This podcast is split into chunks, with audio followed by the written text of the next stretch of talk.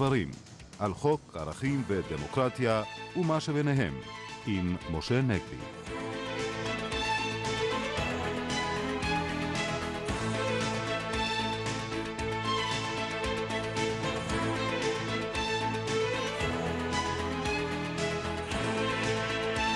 שלום לכם, ערב טוב. עורכת התוכנית יורית ברקאי, המפיקה שולי כהן, טכנאי השידור שלנו משה קוזמה, ליד המיקרופון משה נגבי וקובי ברקאי. מיד נדון כאן בהיבטים העקרוניים של מעצרי החשודים בפרשת התקיפות האלימות של בכירים בתקשורת. האם התנגדות הנשיא אובמה לכל בנייה שהיא בהתנחלויות מעוגנת בדין הבינלאומי? מיד נשוחח על כך עם אורחנו באולפן הפרופסור משה הירש, ראש המחלקה ליחסים בינלאומיים באוניברסיטה העברית. גם נבדוק איתו האם הניסוי הגרעיני של קוריאה הצפונית הוא איתות לאיראן ולעולם כולו שקרס המנגנון הבינלאומי שנועד לבלום איומים על שלום העולם. מאורחנו הפרופסור אברהם רמי פרידמן, דיקן בית הספר לניהול במרכז ללימודים אקדמיים באור יהודה, נשמע את דעתו על השכר המופלג של מנהלים אצלנו והאם ראוי להגבילו בחקיקה. מה הקשר בין כפיית הדין הדתי בתחום הגירושין לבין לגיטימציה לאונס? באולפנינו דוקטור איילת בלכר פריגת ממכללת שערי משפט, שתרצה על כך בכינוס בינלאומי במכללה בשבוע הבא. מאורחנו המומחה לדיני נזיקין, עורך דין ירון פסטינגר, נשמע על חידושים בתחום זה. אבל נפתח בהערה בשולי המעצרים של חשודים בחקירת תקיפתם של אנשי תקשורת, משה. כן, נדמה לי, קובי, שלא צריך להיות אה, איש תקשורת כדי להיות אה, מודאג מן התקיפות האלה. וכדי להיות אה, מרוצה שאולי אה, המשטרה בדרך לפענח אותם ולמצות את הדין עם האשמים. נדמה לי שכל אחד מבין שבמדינה דמוקרטית האיום המרכזי על חופש העיתונות הוא כבר מזמן לא השלטון, אלא איום של גורמים פרטיים שמנסים להשתיק את התקשורת או להשפיע על דיווחיה, ובוודאי שמעשה אלימות כלפי עיתונאים זה חלק מהפגיעה הקטלנית הזאת אה, בחופש העיתונות, הרי כשהשלטון מגביל את חופש העיתונות אה, במדינה דמוקרטית, בסך הכל אה, העיתונאי וכלי התקשורת יכולים לפנות לבית המשפט, יכולים להיאבק על חירותם. ראינו גם שההגבלות השלטוניות הן בדרך כלל לא אפקטיביות, אפילו בפרשה הזאת ראינו את זה, מה בדיוק הועיל אותו צו איסור פרסום שהמדינה הוציאה לגבי החשדות אה, נגד עדות טופס, כולנו ראינו את מה שהתפרסם סביב העניין הזה בימים האחרונים. לעומת זה, כאשר מאיימים, כאשר פוגעים פיזית בעיתונאים, בוודאי שהדבר הזה עלול להיות לו אה, השלכה קטלנית. אבל אני חייב לומר, קובי, שלדעתי לא היינו מידרדרים לאן שהידרדרנו, אלמלא הרפיסות, והייתי אומר האדישות אה, של רשויות החוק אה, אה, כלפי הנושא הזה, אלימות בכלל ואלימות כלפי אנשי תקשורת בפרט. אנחנו מדברים היום על דודו טופז, דודו טופז בכותרות, כמובן כולנו מקווים שהחשדות נגדו יופרכו, אבל אני רוצה להזכיר שלפני 14 שנים דודו טופז התנפל ותקף מבקר טלוויזיה שמתח ביקורת על אחת מהתוכניות שלו, מאיר שניצר ממעריב, תקף אותו, מעך את משקפיו. זה לא ממש עניין את רשויות החוק. הם ראו בזה עניין פרטי של מאיר שניצר, וחשבו שהדבר בא על פתרונו בכך שמאיר שניצר הגיש תביעת פיצויים וקיבל פיצויים על הנזק שנגרם לו. כמו שאמרתי, זה לא נראה להם דבר שהמדינה צריכה להטריח את עצמה במיוחד. או אה, לנקוט הליכים פליליים. היו גם מקרים נוספים שלא קשורים בדודו טופז.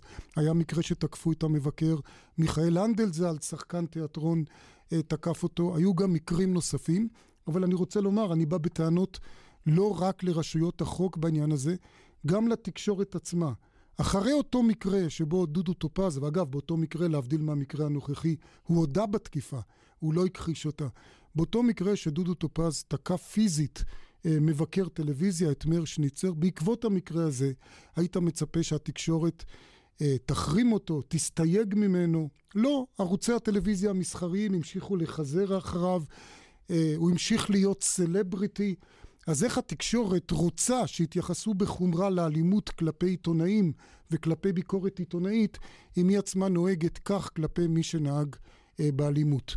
אני הייתי מציע לסיכום, שאולי צריך, לאור החשיבות של תקשורת במדינה דמוקרטית, להחמיר בנושאים של אלימות כלפי עיתונאים, כפי שלמשל יש סעיף מחמיר יותר לגבי אלימות כלפי שוטרים, כלפי עובדי ציבור, שתהיה גם אה, החמרת יתר באלימות כלפי אנשי תקשורת. פרופסור רמי פרידמן, אני מבין שאתה רואה פה גם חלק מתסמונת כללית של אי התמודדות עם תופעת האלימות בחברה. למעשה אם אתה עוקב אחרי זה, זה למעלה משלושים שנה שאנחנו בתהליך של הידרדרות בנושא אחד.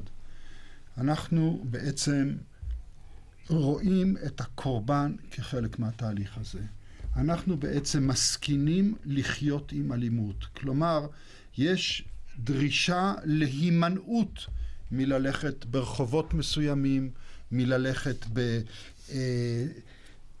במקומות אה, מסוימים, בשעות מסוימות, בשעות מסוימות, לא להסתובב על יד אה, ברים ב, בימי שישי, לא להסתובב במקומות אחרים. כלומר, במקום להילחם בבריונות, בעבריינות אומרים מה אתם מחפשים שם? ולעיתים אפילו משתמשים בזה מה הוא רוצה? הגנה משטרתית בכל מקום? שלא ילך שמה. וזאת הדרך שבה הציבור, האלימות תלך ותגדל, כי היא כל הזמן מנסה אותנו ומגדילה את גבולותיה. בעצם יש כניעה לאלימות. כניעה, ואני מוכן להגיד דבר אחד, ג'וליאני הוכיח בניו יורק, לא ששיטתו מאוד חביבה עליי, אבל לפחות שברגע שנוצר איזשהו צעד תקיף ממול, לא כניעה לאורך כל הדרך, החיים היום בניו יורק, במנהטן, יותר טובים ממה שהם היו בעבר. המחיר, אני מוכן בהחלט להגיד, לא לטעמי, לא זה, אבל בשלב מסוים צריך להגיד עד כאן ולא יותר. דוקטור איילת בלכר, פריגת. כן, אני, אני רציתי להתייחס באמת לעניין של אלימות דווקא במשפחה, שגם שם רואים שיש נטייה להאשים את הנשים, החל מלמה הן לא עזבו, אבל גם כשקוראים פסקי דין, גם במקרים של אונס אה, בעל את אשתו, גם במקרים של רצח, אם היא בגדה, אם היא... זאת אומרת, מחפשים לראות הצדקות בעצם למעשה הבעל, שנחשב כאדם נורמטיבי, הוא רק מעד בעניין שנחשב לא מרכזי, לא חשוב, ולכן גם רמת הענישה. בכלל זה אה, ביטוי נורא בעיניי, נורמטיבי. הגעתי למסקנה שנורמטיבי זה מי שמזכיר לשופט את החברים שלו, ואז גם אם הוא נוהג באלימות, לא נוהגים בחומרה. והשופט מחפש הסבר. כן. כלומר, בעצם מה שהשופט מנסה לעשות, להגיד, איך איש כזה יכול להיות שהוא עשה? אז יש לנו הסבר. וההסבר זה לא הוא, כי הוא דומה לי. כשאני מלמדת אה, נושא אלימות במשפחה את הסטודנטים שלי, כולם מסכימים שזה דבר שהוא אסור. אבל מעטים מוכנים להגדיר את הבעל כפושע. זאת אומרת, אומרים, אסור לו להכות. אבל כמה מהם חושבים שהוא באמת פושע? מעט, מאוד. מעט מאוד. עד כאן בנושא הזה. אנחנו, אה, דני, זק, דני זקן, תודה, נכנס אליי עם אה, ידיעה. אנחנו נקטע לרגע את השידור שלנו של דין ודברים כדי אה, לקבל דיווח. מונה מחליף כנראה לעופר דקל לטפל בסוגיית גלעד שליט. על קו הטלפון כתבנו המדיני שמוליק טל, שלום שמוליק. כן, שלום קובי, ידיעה קצרה מן המחלש ממש הרגע, התלבטויות הרבה מאוד זמן. אה, ראש הממשלה הציע ומינה. ממנה את חגי הדש להחליף את אה, עופר דקל, חגי הדש אה, לשעבר בכיר במוסד. הוא יחליף את עופר דקל עכשיו בתפקיד הזה, משפחת דקל ודאי מאוד תשמח לשמוע. דן מרידור, שמענו, לא קיבל עליו את התפקיד, ראש הממשלה בנימין נתניהו שוחח היום עם כל המועמדים. אה, שהוזכרו, ובסופו של דבר, כפי שאמרנו ממש לפני כמה דקות, אה, הוחלט למנות את חגי הדס, בכיר לשעבר במוסד, לתפקיד הזה. כן, שמוליק, התכוונת בוודאי שמשפחת שליט העושה כרגע בארצות של, הברית, שליט, תשמח לשמוע שליט, כמובן, על המינוי כמובן, הזה. כמובן, שליט, אני התכוונו אה, למשפחת כן, שליט, כן. היא תשמח לשמוע מפני שהיא חוזרת עכשיו מוושינגטון, שם היא השתתפה במצעד, וכך גם נמסר לה על ידי ראש הממשלה. שברגע שהיא תחזור יהיה כבר אה, מחליף לעופר דקל, ואמרנו זה חגי הדס. כולנו באיחולי הצלחה מלווים את המינוי הזה של חגי הדס לטפל בסוגיית אה, גלעד שליט הכאובה במקומו של עופר דקל. תודה לך כתבנו המדיני שמוליק טל. אנחנו שבים לדין ודברים, ועכשיו אנחנו אה, אה, מארצות הברית, מוושינגטון, יש לנו כבר את התפאורה המתאימה, כי זה הנושא שאנחנו הולכים לדבר איתך, אפרופו הדרישה של ממשל אובמה. בירושלים נסערים, אה, פרופסור הירש, מדרישת ממשל אובמה לחדול לחלוטין מבנייה בשטחים. אני אספר שאתה פרופסור משה הירש, ראש המחלקה ליחסים בינלאומיים באוניברסיטה העברית, וארצה מאוד לשמוע ממך מה אומר על כך החוק, מעבר לסערה שאוחזת בירושלים? אה, המשפט הבינלאומי קובע שאסור למדינה להעביר את האוכלוסייה שלה לשטחים כבושים. כך קובע סעיף 49-6 לאמנת ג'נבה הרביעית. בעבר מדינת ישראל אה, טענה שהיא לא מפרה את הסעיף הזה בגלל שהיא לא אה, מכריחה להעביר את תושביה לשטחים כבושים, אלא שהם עושים את זה מרצונם, ולכן זאת לא הפרה של סעיף 49. אה, מדינות העולם לא קיבלו את הפרשנות הישראלית, כולל לא ארצות הברית, ובוודאי גם מדינות אירופה ושאר מדינות העולם. ומדינות העולם רואות את ישראל כמפרה את אמנת ג'נבה הרביעית בתחום הזה. יש גם כמה החלטות של מועצת הביטחון שקובעות בצורה די בוטה, אני אגיד שישראל היא מבצעת הפרות בוטות של המשפט הבינלאומי בתחום הזה. אה, צריך להגיד, החלטות מועצת הביטחון שלא הוטל וטו אמריקאי, ולפני כשלוש שנים גם בית הדין הבינלאומי, בחוות דעת בעניין הגדר, גם הוא קבע שההתנחלויות האלה בשטחים הכבושים הם מהווים הפרה של המשפט הבינלאומי. אבל אנחנו כבר... כן. אנחנו הלכנו כבר אבל צעד אחד קדימה, אנחנו כבר בכלל לא מדברים על ההתנחלויות אם הן חוקיות או לא חוקיות. עכשיו, ממשל אובמה עוד לא מדבר להוריד התנחלויות, הוא אוסר בנייה בהתנחלויות. אז אם ההתנחלויות שם, לפי הפרשנות שלנו, אנשים לא הועברו בכוח, אלא נמצאים שם מרצונם החופשי, כל הבעיה היא כרגע הריבוי הטבעי, עיבוי ההתנחלויות הקיימות. מה עם זה? מהזווית של המשפט הבינלאומי, האמת שהתשובה אפילו עוד יותר פשוטה, מאחר שההתנחלויות האלה הן בלתי חוקיות על פי המשפט הבינלאומי, בוודאי שהרחבתם, אני אגיד מכל סיבה שהיא, זה דבר בלתי חוקי, וגם לעניין הריבוי הטבעי צריך להגיד אה, שעל פי המשפט הבינלאומי זה לא פקטור שמשפיע על הרחבת התנחלויות בלתי חוקיות, ובוודאי אני אגיד שגם על פי המשפט הישראלי, משפחה שמתרבה, וזה דבר משמח, אין זכות uh, לקבל uh, עוד דירה או עוד חדר, או אנחנו מכירים משפחות רבות, נגיד אלפי אנשים עוזבים בכל שנה את ירושלים, כי הם, המשפחות שלהם גדלות, ולא שמעתי עוד טענה שיש להם זכות בדין שיאשרו להם עוד, uh, עוד שטח לבנייה. לא שמעתי גם שמשפחה שנוסף עוד ילד, רק בגלל זה תקבל רישיון לסגור מרפסת או משהו מן הסוג הזה. זה דווקא רעיון טוב, לא? כדאי יכול להיות שזו טענה מוסרית או אה, בתחום המדיני. איך נראה לך הנימוק הזה של גידול טבעי ובכלל כל הסוגיה הזאת? אני מבין גם שאם אה, מותר לי לשאול, העניין הזה של החוק הבינלאומי, כפי שהוצג כאן, זה חל, אני מניח, גם על ההתיישבות במזרח ירושלים ועל הרוב היהודי בירושלים, או שאולי יש הבדל.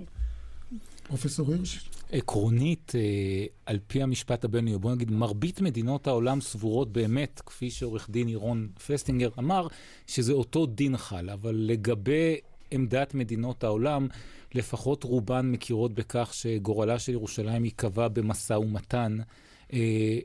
לא כך לגבי ההתנחלויות. אני לא נביא.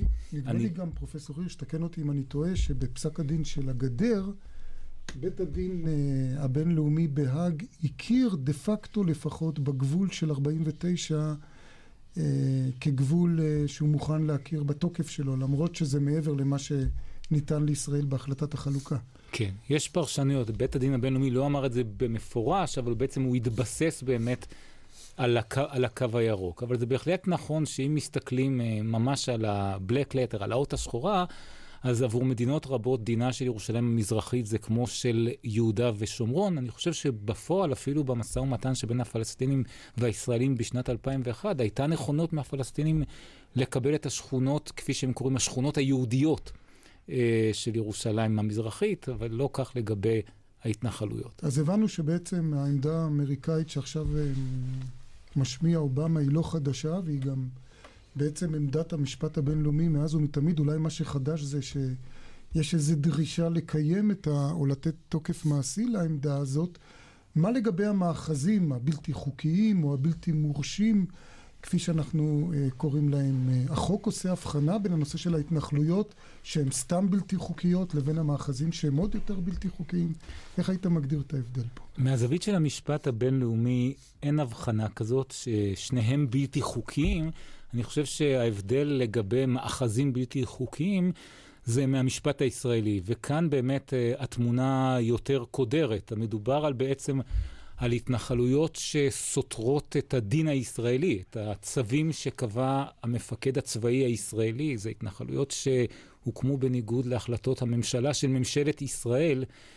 ואם מישהו זוכר מלפני כמה שנים, שלוש-ארבע שנים, דוח ועדת ששון שמונתה על ידי ראש הממשלה הקודם, שרון, כדי לבדוק את התופעה, ובדוח הוועדה נקבע שרשויות ציבוריות רבות בישראל ומשרדי הממשלה הם מממנים או מימנו, לפחות בעבר, מכספי משלם המיסים, אה, פעולות בלתי חוקיות. והאמת שזה דבר אה, מדאיג. אני חושב שכל מי שחרד לשלטון החוק בישראל צריך להיות מאוד מוטרד מהעובדה שרשות ממשלתית מסוימת, שהיא מממנת פעילויות בלתי חוקיות. עכשיו, אה, ברשותך נעשה עורך דין פסטינגר רצית להגיד. רציתי רק אה, אה, להזכיר, להציף ברשותכם את חוות דעת המיעוט של השופט בדימוס חשין בנושא פסק הדין של הגדר, שאמר באופן חד משמעי שבית הדין הבינלאומי בהאג הוא גוף פוליטי והפסיקה שלו היא פסיקה פוליטית.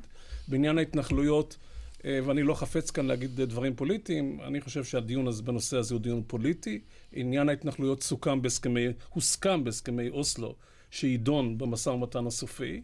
והמשפט הבינלאומי, עם כל הכבוד, ולחוק הבינלאומי, אנחנו יודעים שיש אפליה מסוימת ביישומו. עוד לא שמענו שמישהו דיבר על כך שהסינים השתלטו על טיבט והתיישבו בה והפכו את עצמם לרוב. תכף נדבר על חולשת המשפט הבינלאומי. או בצ'צ'ניה, או הרוסים בצ'צ'ניה. יש לנו עוד כמה דברים. או אם נחזור אחורה על הגרמנים במזרח פולין, כן. הרוסים במזרח פולין, כן. בעקבות אודר נייסה. כן, אה, כן פרופסור הירש, רצית. אני רק צריך להגיד, אה, בית הדין הבינלאומי לפעמים זוכה אצלנו לאהדה, כאשר למשל הוא מוציא פסק דין שמורה שלראש מדינה יש חסינות ואז ששרון שנתבע בבלגיה, מאוד נהנינו מפסיקה זו של בית דין הבינלאומי, ואף אחד לא חשב שהוא אנטישמי או שהוא פוליטי. כשבית הדין מוציא חוות דעת שלא תואמות לקו המדיני של מדינת ישראל, אז uh, מוציאים עליו כל, כל מיני שמות שהוא פוליטי. אני צריך להגיד שבית דין הבינלאומי, בחוות הדעת המפורסמת על הגדר, פסק את רוב הדברים ברוב מכריע של 14 נגד 1. כלומר, כן. שזה לא רק כמה שופטים ממדינות ששונאות את ישראל, שופטים גם ממדינות אירופיות אהודות מאוד עלינו, קבעו שההתנחלויות האלה הן בלתי חוקיות. זה לא באמת איזשהו מגזר קטן. ודרך אגב, וזאת עמדת ארצות הברית, ידידתנו הגדולה, מדינות אירופה המערבית, האיחוד האירופי, זה לא באמת שזה קבוצת מדינ, מדינות אנטישמיות ששונאות את ישראל. אין היום שום חשיבות למסמך שהגיש הנשיא בוש לשרון בזמנו בנושא גושי ההתנחלויות? זו שאלה מעניינת עד כמה זה מחייב על פי המשפט הבינלאומי. אם באמת המדובר במכתב שהייתה כוונה ליצור חובה במשפט הבינלאומי, ואם זה ניתן בפומבי, אני ראיתי היום באחד העיתונים ציטוט אה, של המכתב הזה, וזה לא כמו שישראל בהכרח היא מפרשת אותו, אה, אבל יש כאן שאלה לג... לגיטימית, בהחלט שצריך לבדוק אותה. אז עכשיו, אה, עורך דין אילון פסטינגר כבר רמז על הפרות שונות ומשונות של המשפט הבינלאומי שנעשות במקומות אחרים, ואנחנו לא צריכים ללכת רחוק. אנחנו ראינו עכשיו את הצפצוף הארוך שנשמע מקוריאה הצפונית ועד רחבי כל העולם, ודומה שמה? זאת אומרת, הוליכו שולל את ארצות הברית, אמרו שמפרקים את הכור ביונג ביון לא היה ולא נברא, בתמורה להסרת הסנקציות. יושבת איראן ובטח לומדת מהצפצוף הארוך הזה שנשמע גם אצלה, שגם לה, מה אכפת לה אם היא תצפצף גם את הצפצוף הארוך, שום דבר לא יקרה. ואנחנו בסכנה שמה שנוצר אחרי מלחמת העולם השנייה כמין שלום עולמי, כמין מודוס ויוונדי, כמין שמירת האיזון המאוד עדין הזה, אה-אה, לא בדיוק מחזיקה מעמד. והחוק הבינלאומי והמשפט הבינלאומי, אני לא רואה אותו, איפה הוא נכנס לפעולה. אה, זאת באמת סוגיה מטרידה מאוד, ויש באמת מדינות שמפרות אה, ברגל גסה את המשפט הבינלאומי, כמו באמת צפון קוריאה, איראן וסוריה. זה מועדון מדינות מאוד לא מכובד, ואני מאוד מקווה שלא גיל... יספרו אותנו פעם במועדון הלא המכובד הזה. אנחנו מאוד רוצים להיות חלק ממועדון רציני יותר, ולא להיות כמו צפון קוריאה ואיראן. Uh, בכל אופן, המקרה של צפון קוריאה זה באמת מקרה מדאיג. Uh, צפון קוריאה מפרה בריש גלי החלטות uh, של מועצת הביטחון, שאוסרות עליה בעצם לבצע ניסויים גרעיניים או ניסויים בליסטיים. מועצת הביטחון, צריך להזכיר, אה, בהחלטה מלפני שלוש שנים, הטילה סנקציות חמורות על צפון קוריאה, כולל הסמכה, שזה דבר חריג, למדינות אחרות שרוצות לעצור בכוח ספינות שמיועדות לצפון קוריאה כדי לבדוק אם הספינות האלה לא מפרות את החרם על צפון קוריאה, אבל זה נכון שהמדינה הזאת היא כל כך לא דיקטטורית, רק שהשליט שם בעצם לא אכפת לו כל, כל כך מרעב המוני שיש לתושבים שלו, שכנראה שגם הסנקציות החמורות אה, לא מזיזות לו הרבה. עובדה שהוא ממשיך. אני חושב שזה מקרה שהמשפט הבינלאומי דווקא אימץ צעדים חמורים מאוד כנגד מד, מדינה, וחס וחלילה שאם יחשבו על משהו כזה כלפי מדינת ישראל, אבל זה באמת מקרה שסנקציות אפילו כאלה, הן לא משפיעות הרבה על סוג כזה של דיקטטורות, וזה חבל מאוד. כלומר, בעצם מה שנשאר זה רק העניין של שימוש בכוח צבאי, שנזכיר שגם יש את הסמכות הזאת למועצת הביטחון. אנחנו זוכרים את זה ממלחמת המפרץ הראשונה, נגד סדאם חוסיין ומלחמת קוריאה. כן. אתה, אתה, אתה היית אומר שאנחנו נמצאים פה בסיטואציה שאולי חלילה מזכירה את uh, האימפוטנטיות של חבר הלאומי מול המדינות הפשיסטיות באירופה ב-39'? אז זה באמת אה, עקב אכילס של מועצת הביטחון. מועצת הביטחון יכולה לאמץ החלטות חמורות מאוד, יש לה סמכויות עצומות, כאשר יש אחדות דעות, אחדות דעים בין חמש המעצמות הגדולות. אה, כאשר אין אחדות בין חמש המעצמות הגדולות, אז אה, כל מדינה שם יכולה להטיל וטו ולגרום לכך שמועצת הביטחון לא תאמץ החלטות שהן חמורות. בענייננו, כנראה שבימים הקרובים המועצה תאמץ עוד החלטה חמורה כלפי, מועצ... כלפי צפון קוריאה, אבל נראה שהם לא יאמצו החלטה שבאמת אה, מאפשרת שימוש בכוח, הפצצות או כיבוש של אה, צפון קוריאה. צריך להגיד, זה לא רק בגלל ההתנגדות הצפויה של סין, פחות של רוסיה, כנראה שגם ארצות הברית עכשיו, מאחר שהיא מעורבת... עמוק בבוט שבוע. של אפגניסטן כן. ושל עיראק, mm-hmm. נראה שגם אם הייתה כזאת הסמכה של מועצת הביטחון, ארה"ב לא הייתה רוצה אה, לכבוש או להפציץ עוד מדינה, אבל זה בהחלט מצביע על המגבלות של המשפט הבינלאומי וגם של מועצת הביטחון, זה בהחלט נכון. פרופסור רמי פרידמן? אה, היות ואני לא משפטן, אני לא אדבר על המשפט הבינלאומי, אני אגיד דבר אחד מאוד פשוט. כלפי משטרים טוטליטריים, המחירים שונים מאשר לגבי משטרים דמוקרטיים. לכן אי אפשר להשתמש בכלים זהים בשני המקרים האלה. לדעתי כל המערך המשפטי של המשפט הבינלאומי, האו"ם, מועצת הביטחון, בנוי על זה שזה בעצם תמונת ראי. ואת התפיסה הזאת מוכרחים לשנות, כלומר ליצור כלים שהם מותאמים לגופים למשטרים. שהם לא, לא מתאימים להם. זאת אומרת שלא משתמשים בכלים הרכים שבמשטר דמוקרטי מכריחים אותו ללכת בזו הדרך. וזה אין לנו, ולדעתי זו אחת הבעיות הקשות גם כלפי החמאס, גם כלפי uh, גלעד, גם כל הדברים האלה. זה כן. שאנחנו צועקים זה לא משנה. באמת לא רציתי לא להזכיר, אם דיברנו על uh, פשעי מלחמה שנעשים ברגל גסה, uh, שמענו קודם את העדכון לגבי המשא ומתן על גלעד שליט. נזכיר שגם העובדה שהחמאס עד היום לא נתן סימן חיים ולא אפשר... מוחלטת במשפט הבינלאומי. לא אפשר שום ביקור אצלו, זה הרי פשע מלחמה מובהק, וגם פה בעצם אנחנו לא רואים איזו תגובה של גוף בינלאומי. זה בהחלט נכון. המשפט הבינלאומי בנוי הרבה יותר להתמודד עם מדינות, והוא מצליח, אני חושב, כלפי רוב המדינות. הוא די uh, כושל כלפי מדינות מהסוג של צפון קוריאה. הוא גובה מהם מחיר יקר, אבל אני חושב שהוא לא מצליח, וזה באמת כלפי תנועות טרור. זה בעייתי יותר, אבל אל שלא נשכח, אה, החמאס הוגדר כארגון טרור גם בארצות הברית, גם באיחוד האירופי.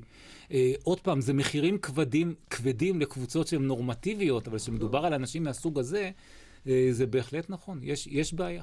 יש מה לדאוג, פרופסור משה הירש. יש הצלחות ויש כישלונות, כן.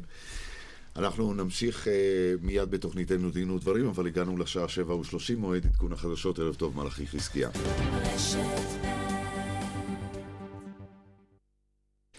שבע, שלושים וחמש, כאן בבית שבנו לדין ודברים. כעת אנחנו רוצים לעסוק ביוזמה להגביל בחוק שכר מנהלים, לפחות בעת כזו של משבר כלכלי. פרופסור אברהם רמי פרידמן, דיקן בית הספר לניהול במרכז ללימודים אקדמיים באור יהודה. מה דעתך על היוזמה הזאת? טובה? רעה? תראה, צריך להפריד בין שני דברים, בין הרעיון לבין הביצוע. ראשית, הרעיון הוא רעיון מאוד חיובי. כלומר, לא מקובלת עליי, ואני חושב שהיום אם אתה קורא את העיתונות האמריקאית, גם מאוד לא מקובלת בארצות הברית ובחלק מאירופה. שבעצם יש חלק מהציבור שלגביו לא חלים חוקים אחרים מאשר חטוף כפי יכולתך. שבו אתה בעצם בא ואומר, הציבור הזה, אם לא ייתנו לו את כל מה שהוא רוצה, הוא יעזוב אותנו, יפקיר אותנו, נתמוטט, נלך. זה לא נכון, זה לא יהיה ככה. זה הסיפור, ולכן יש כל הזמן הצעות להגביל את, uh, להסביר את התמורה לעבודה, בין אם זה ניתנת בצורה של בונוסים, בין בצורה של אופציות, ובין בכל צורה וצורה אחרת. ומצנחים למיניהם. מצנחים בסוף. דבר שני שישנו, הוא הדבר שצריך, זה כלל שמלמדים בקורס פשוט על uh, uh, ניהול תגמול. אתה צריך לקשור את שיטת התגמול בביצוע שאתה רוצה לקבל מאת העובד. מה שעשו, ופה האשמים העיקריים הם לא המנהלים, אלא חברי הדירקטוריונים ובייחוד נציגי הציבור שיושבים בהם. תפקידם היה להגן על הקופה הציבורית, ומילה אחת אני צריך להגיד למה הקופה הציבורית. והם לא עשו את זה. כלומר, מה שהם היו צריכים לעשות זה להבין, אם אתה הבסיס להעניק את ההטבות, הוא בסיס של ביצועים בטווח קצר ולא טווח ארוך, אתה משדר לאלה שאתה מעסיק, אנחנו מעוניינים ברווחים חפוזים. ובעצם בהימורים. בהימורים, כן, רווחים חפוזים, הימורים. והדבר הזה יוצר אצלם תודעה שזה בדיוק מה שאתה מבקש. המניה תעלה מהר בבורסה, כשאתה יודע שאם זה עולה מהר ואם יש בועות וכל זה, הסיכון הולך וגובר. ואותם דירקטוריונים שישבו נציגי ציבור נכנעו ללחץ, כופפו את הראש ואישרו אשר אושר. אני מוכן לגלות מבחינת גילוי נאות, אני ישבתי בדירקטוריון של מוסד פיננסי בישראל ואני עפתי מהדירקטוריון הזה. אני עפתי מפני שכשבא יושב ראש הדירקטוריון והציג בפני הדירקטוריון, הגעתי להסכם שכר עם חברי ההנהלה, אמרתי, סליחה, מכל אלה שיושבים פה אני היחידי שמבין היטב בנושא הזה. אני רוצה לראות את החוזים. הוא אמר, אם אני אומר שאני סיימתי, אז זאת אומרת שאף אחד לא בא לערער ולראות את החוזים. אמרתי, סליחה, לא בבית ספרי. ועד שלא ילמדו שנציגי הציבור זאת חובתם, ולדעתי זה יקרה כמו בארצות הברית, שיעמידו אותם לדין, וכבר יש לנו ניצנים של תנועה בכיוון הזה, זה לא ישתנה. מילה אחרונה. באמריקה מנסים היום בסיסים איך להגביל את הדבר. מדוע? מפני שבנק בישראל, לדוגמה, לא יפשוט רגל מפני שהציבור יזרים את כספו, בדיוק כמו שנעשה בארצות הברית, כדי להציל את הבנק ואת הלקוחות. כלומר, כשהוא מרוויח זה הולך לכיס של פרטים, כשהוא מפסיד זה בא מכיס הפרטים אל הכיס של הבנק. סליחה רבותיי, המשחק הזה לא יכול להימשך לעד. בוא נזכיר שאובמה הוא לא רק קשוח כלפי ההתנחלויות, הוא גם היה קשוח ל-AIG ואמר נכון, להם, נכון. לא תקבלו סיוע שיציל. אתכם אם לא תורידו את הבונוסים האלה. ולא ואת... תשלמו ממנו בונוסים. מה לגבי ההצעה הספציפית שהזכיר קודם קובי, אה, אותה הצעה של חברת הכנסת שלי יחימוביץ', לקבוע איזה יחס מקסימלי בין השכר הכי גבוה לשכר הכי נמוך? בחברה, או לפחות... אני מוכן להגיד דבר אחד, אפשר לעשות דברים כאלה. ההצעה לדעתי היא לא מספיק חדה בשביל שאפשר איתה יהיה ללכת. יש לנו בעיות בין הקצה התחתון לקצה העליון מבחינת המרווח, זו שאלה באיזה... יש ארגונים שנניח העובדים הזוטרים שלהם הם בכירים בכל ארגון אחר. ואז הפערים האלה מטבע הם קטנים, אז אני רוצה שם כן לאשר את המיליונים הענקיים בלמעלה ובאחרים לא. צריך לאבד את התוכניות האלה, אבל מחשבה בתחום הזה, יוזמת חקיקה, בהחלט כן. אה, היית נציב שירות המדינה, אה, פרופסור פרידמן. מודה באשמה. ואני רוצה לשאול אותך, האם אתה לא מרגיש, נדמה לי שזה לא היה בתקופתך, אבל שיש זליגה של הנורמות הקלוקלות האלה גם לשירות הציבורי, לפחות לחלקים ממנו, ודווקא לגופים שהיו אמורים אולי להיות מופת. אנחנו שומעים על uh, uh, שכר גבוה בנג... uh, בבנק ישראל למשל, ובגופים מן הסוג הזה, וכל פעם, כל הזמן מפחידים אותנו, כמו שאמרת, שאם השירות הציבורי לא יתחרה ב... ההטבות המופלגות האלה, אז האנשים יעזבו אותו למגזר הפרטי. מה אתה אומר לגבי הקטע הזה? תראה, התשובה שלי בנושא הזה היא מאוד חדה. אני לא בטוח שהיא תביא מזור. אלה שנושאים בתפקיד לקבוע את השכר הזה, הם צריכים להיות מספיק איתנים בדעתיהם שהם בבית ספר הזה לא ישבו. ואם הם יעמדו על הדברים האלה ויילחמו עליהם, לדעתי הם יכולים להביא שינוי. שינוי קטן קרה בבנק ישראל, הוא לא קרה מספיק. הוא לא קרה מספיק מפני שהמערכת הפוליטית פחדה והפחידה את המנגנון. אנחנו צריכים להבין, הכוח של המערכת הפוליטית, הכוח של ההנהלות בבנקים הם מספיק חזקים כדי לנסות להשקיט כוחות מחאה. מי שיושב בדירקטוריונים כאלה מכיר ויודע את זה. כן, מה נאמר ומה נדבר. אני עוד לא ראיתי את המנהל האחד שקם והתנצל על הכסף שהוא קיבל והחזיר איזה משהו. כן. זה יקרה מתישהו, פרופסור פרידמן? אני אבל מכיר מנהלים כן. בחברות רווחיות כן. שלוקחים הרבה פחות. Mm, כן. טוב, צריך לא לשכוח. צריך להתחיל. תודה, פרופסור אה, אברהם פרידמן. עכשיו לנושא אחר לגמרי. האם כפיית הדין הדתי בתחום של נישואין וגירושין עלולה להכשיר חלילה אונס אישה בידי בעלה? דוקטור איילת בלכר פריגת ממכללת שערי משפט, אצלכם במכללה מתקיים בשבוע הבא כינוס בינלאומי בנושא הזה. קודם תסביר לנו מה הקשר, זאת אומרת זה נשמע מופרך, איך נישואין וגירושין בידי בית דין דתי מגיעים עד להקצנה כזאת, מה קרה כאן?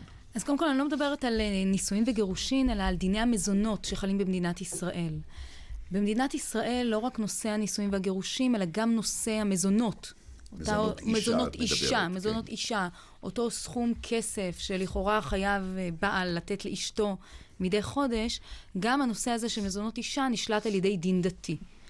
וכאן אנחנו מגיעים לדין שחל לגבי יהודים, אה, בין בני זוג יהודים, שקובע שאישה שמסרבת לחיי אישות עם בעלה, בעצם מאבדת את אה, זכויותיה הממוניות, אה, ובין היתר את הזכות שלה לאותם מזונות חודשיים. מה שקרוי מורדת. מה שקרוי. מורדת. מה סליחה, שקרוי מורדת. ויש סנקציה הפוכה?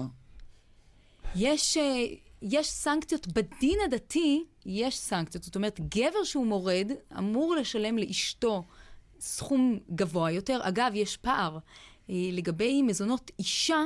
איש, אז אישה שמורדת, לפחות לגבי הכתובה שלה, סליחה, אז קבעו שמפחיתים את הכתובה שלה בשבעה דינרים כל שבוע. אם הבעל מורד, הוא צריך לתת לה רק תוספת של שלושה דינרים, וההסבר שניתן בהלכה הוא בגלל הסבל הגבר, כאשר מהגבר נמנעים יחסי מין, אז סבלו גדול יותר מאשר אה, סבלה של האישה כאשר אה, נמנעים ממנה יחסי המין.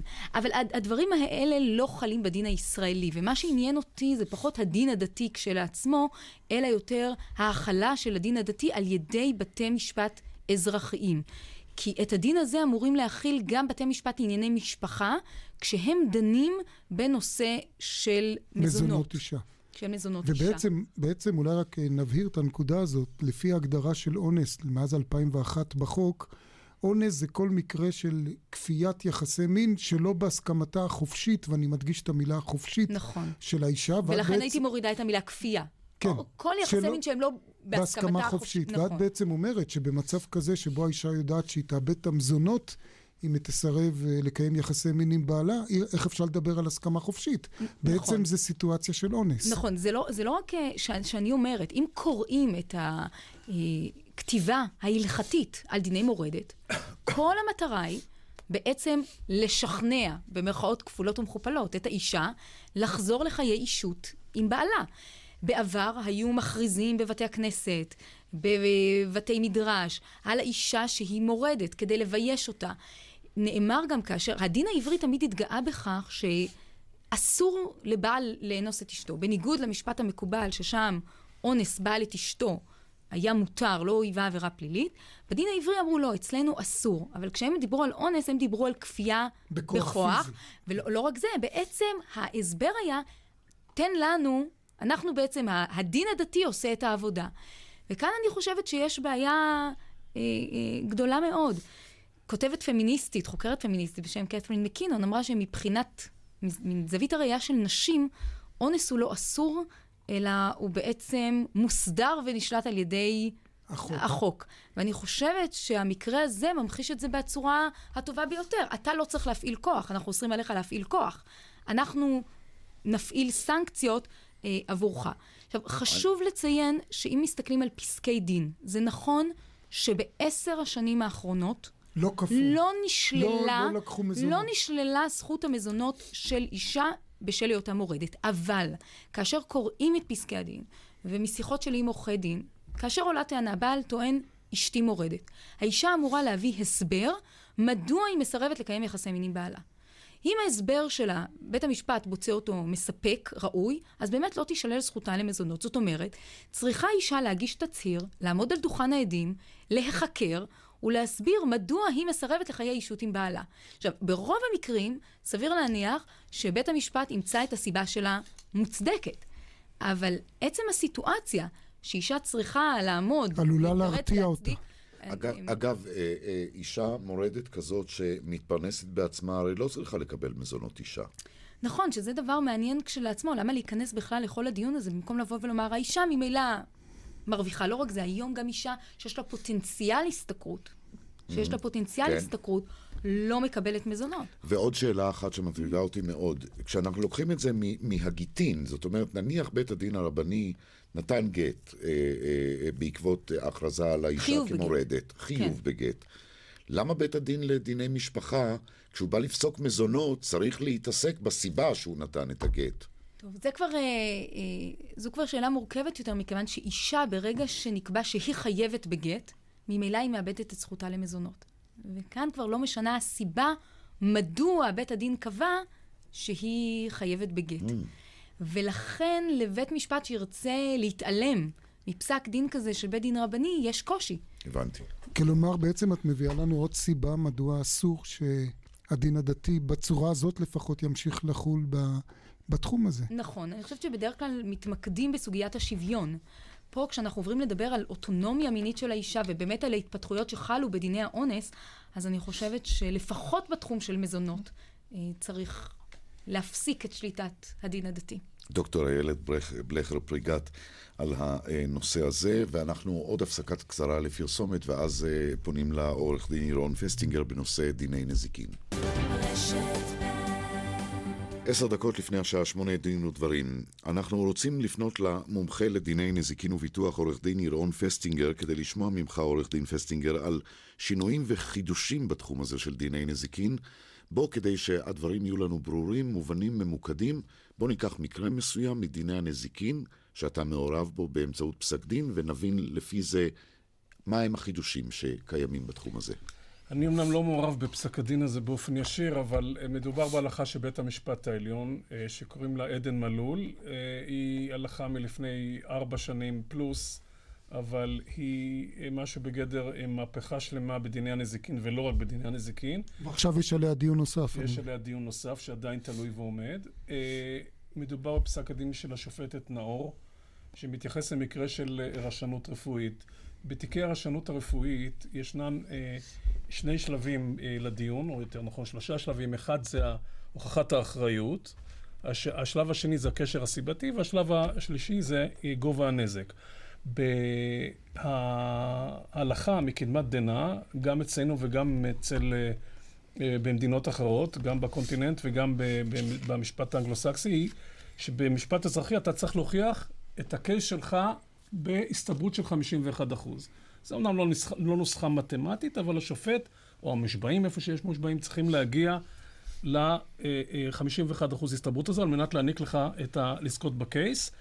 אה, זה דבר שהוא מושרש, והוא מתקיים גם בנושא האחריות, והתקיים עד פסק הדין עדן נלול גם בנושא הקשר הסיבתי. דא עקא, שבעיקר בתיקי מילדות בתחום אה, הרשמות הרפואית, שזה תיקים סבוכים, אה, אחד הנושאים היותר מסובכים במשפט בכלל, אה, בעקבות הצפה של תביעות בארצות הברית לפני 40 שנה, נתקיימו מחקרים רפואיים מאוד מאוד רחבים, שמיקדו את טענת ההגנה המרכזית בקשר הסיבתי, ועל מנת ליפול בתוך אותן עשרה אחוז או חמישה עשר אחוז של מקרים מתוך תיקי ה-CP שקשורים בלידה, צריך להוכיח תנאים מסוימים. והתובעים באופן מסורתי מתקשים מטבע הדברים לעמוד, אה, אה, לעמוד בתנאים הללו. אולי נסביר, גם לאחר שהתובעים מוכיחים שהייתה רשלנות נכון. רפואית, נכון. הם מתקשים לא להוכיח מספיק. שהיה קשר סיבתי בין הרשלנות הזאת לבין הנזק. נכון, או במילים פשוטות, נולד ילד אה, עם, עם שיתוק מוחין, חס ושלום, שהוא גם משותק וגם אה, מפגר. והוא לא מקבל פיצוי. מאוד קשות. הוכח שהרופאים ישנו, נעדרו, לא היו, הייתה מצוקה עוברית מעבר למה שמותר. לא הוכחת קשר סיבתי. ובכל זאת צריך להוכיח קשר סיבתי, שהילד הזה סבל מצוקה עוברית אה, אה, זמן מסוים, ועוד כל מיני תנאים רפואיים שאני לא רוצה להיכנס אליהם כרגע. ואז בתי המשפט מצאו את עצמם בסיטואציה שגם כאשר הוכחה רשלנות, הקשר הסיבתי, התובעים הללו לא זכאים לפיצויים. וזו סיטואציה שמאוד אה, אה, קשתה לבית המשפט. שופטת... אה, אה, נאור. אה, נאור אימצה אה, חוות דעת מיעוט של גברת שטרסברג כהן מתיק אחר שנקרא יונתן כהן, וקבע שבנושא הקשר הסיבתי, בהסכמת השופטים האחרים, אה, מצה וג'ובראן, שבנושא הקשר הסיבתי לא צריך להוכיח 51 אחוז. למעשה, באופן תיאורטי, באותו מקרה ייקבע 20 אחוז, אבל כשיש מספר גורמים שגרמו לנזק, ואי אפשר להוכיח שהרשלנות היא הגורם הדומיננטי של ה-51 אחוז, די בכך שה... אה, אה, ההוכחה תהיה פחות מ-51 אחוז. זה כמובן מהפכה שלמה, מכיוון שזה לא מתייחס רק לנזיקין, אלא למבחני הצפיות של הקשר הסיבתי, הם גם בדיני חוזים ובדיני עבודה, בכל מקום שיש בו קשר סיבתי. אבל עורך דין פסטינגר, רק שאלה קטנה בזמן הקצר שנותר לנו. זה משליך גם על סכום הנזיקין שייפסק סכום הפיצויים. כמובן שסכום הפיצויים יהיה באופן יחסי לא, לאותו אחוז. כן. עכשיו נשאלת השאלה כמובן אם זה טוב או רע. אז מצד אחד, ישנן, התווספו למעגל התובעים הפוטנציאליים מספר רב של תובעים שיקבלו פחות מ-51%. מצד שני, אותם תובעים מסורתיים במרכאות, שב-51% היו זכאים ל-100% מהפיצויים. Mm-hmm. עכשיו, עקב ההלכה החדשה, זה אמנם לא נאמר באופן מפורש בפסק הדין של גברת נאור, אבל זה מה שמשתמע מהעניין. אתה צריך להוכיח את ה...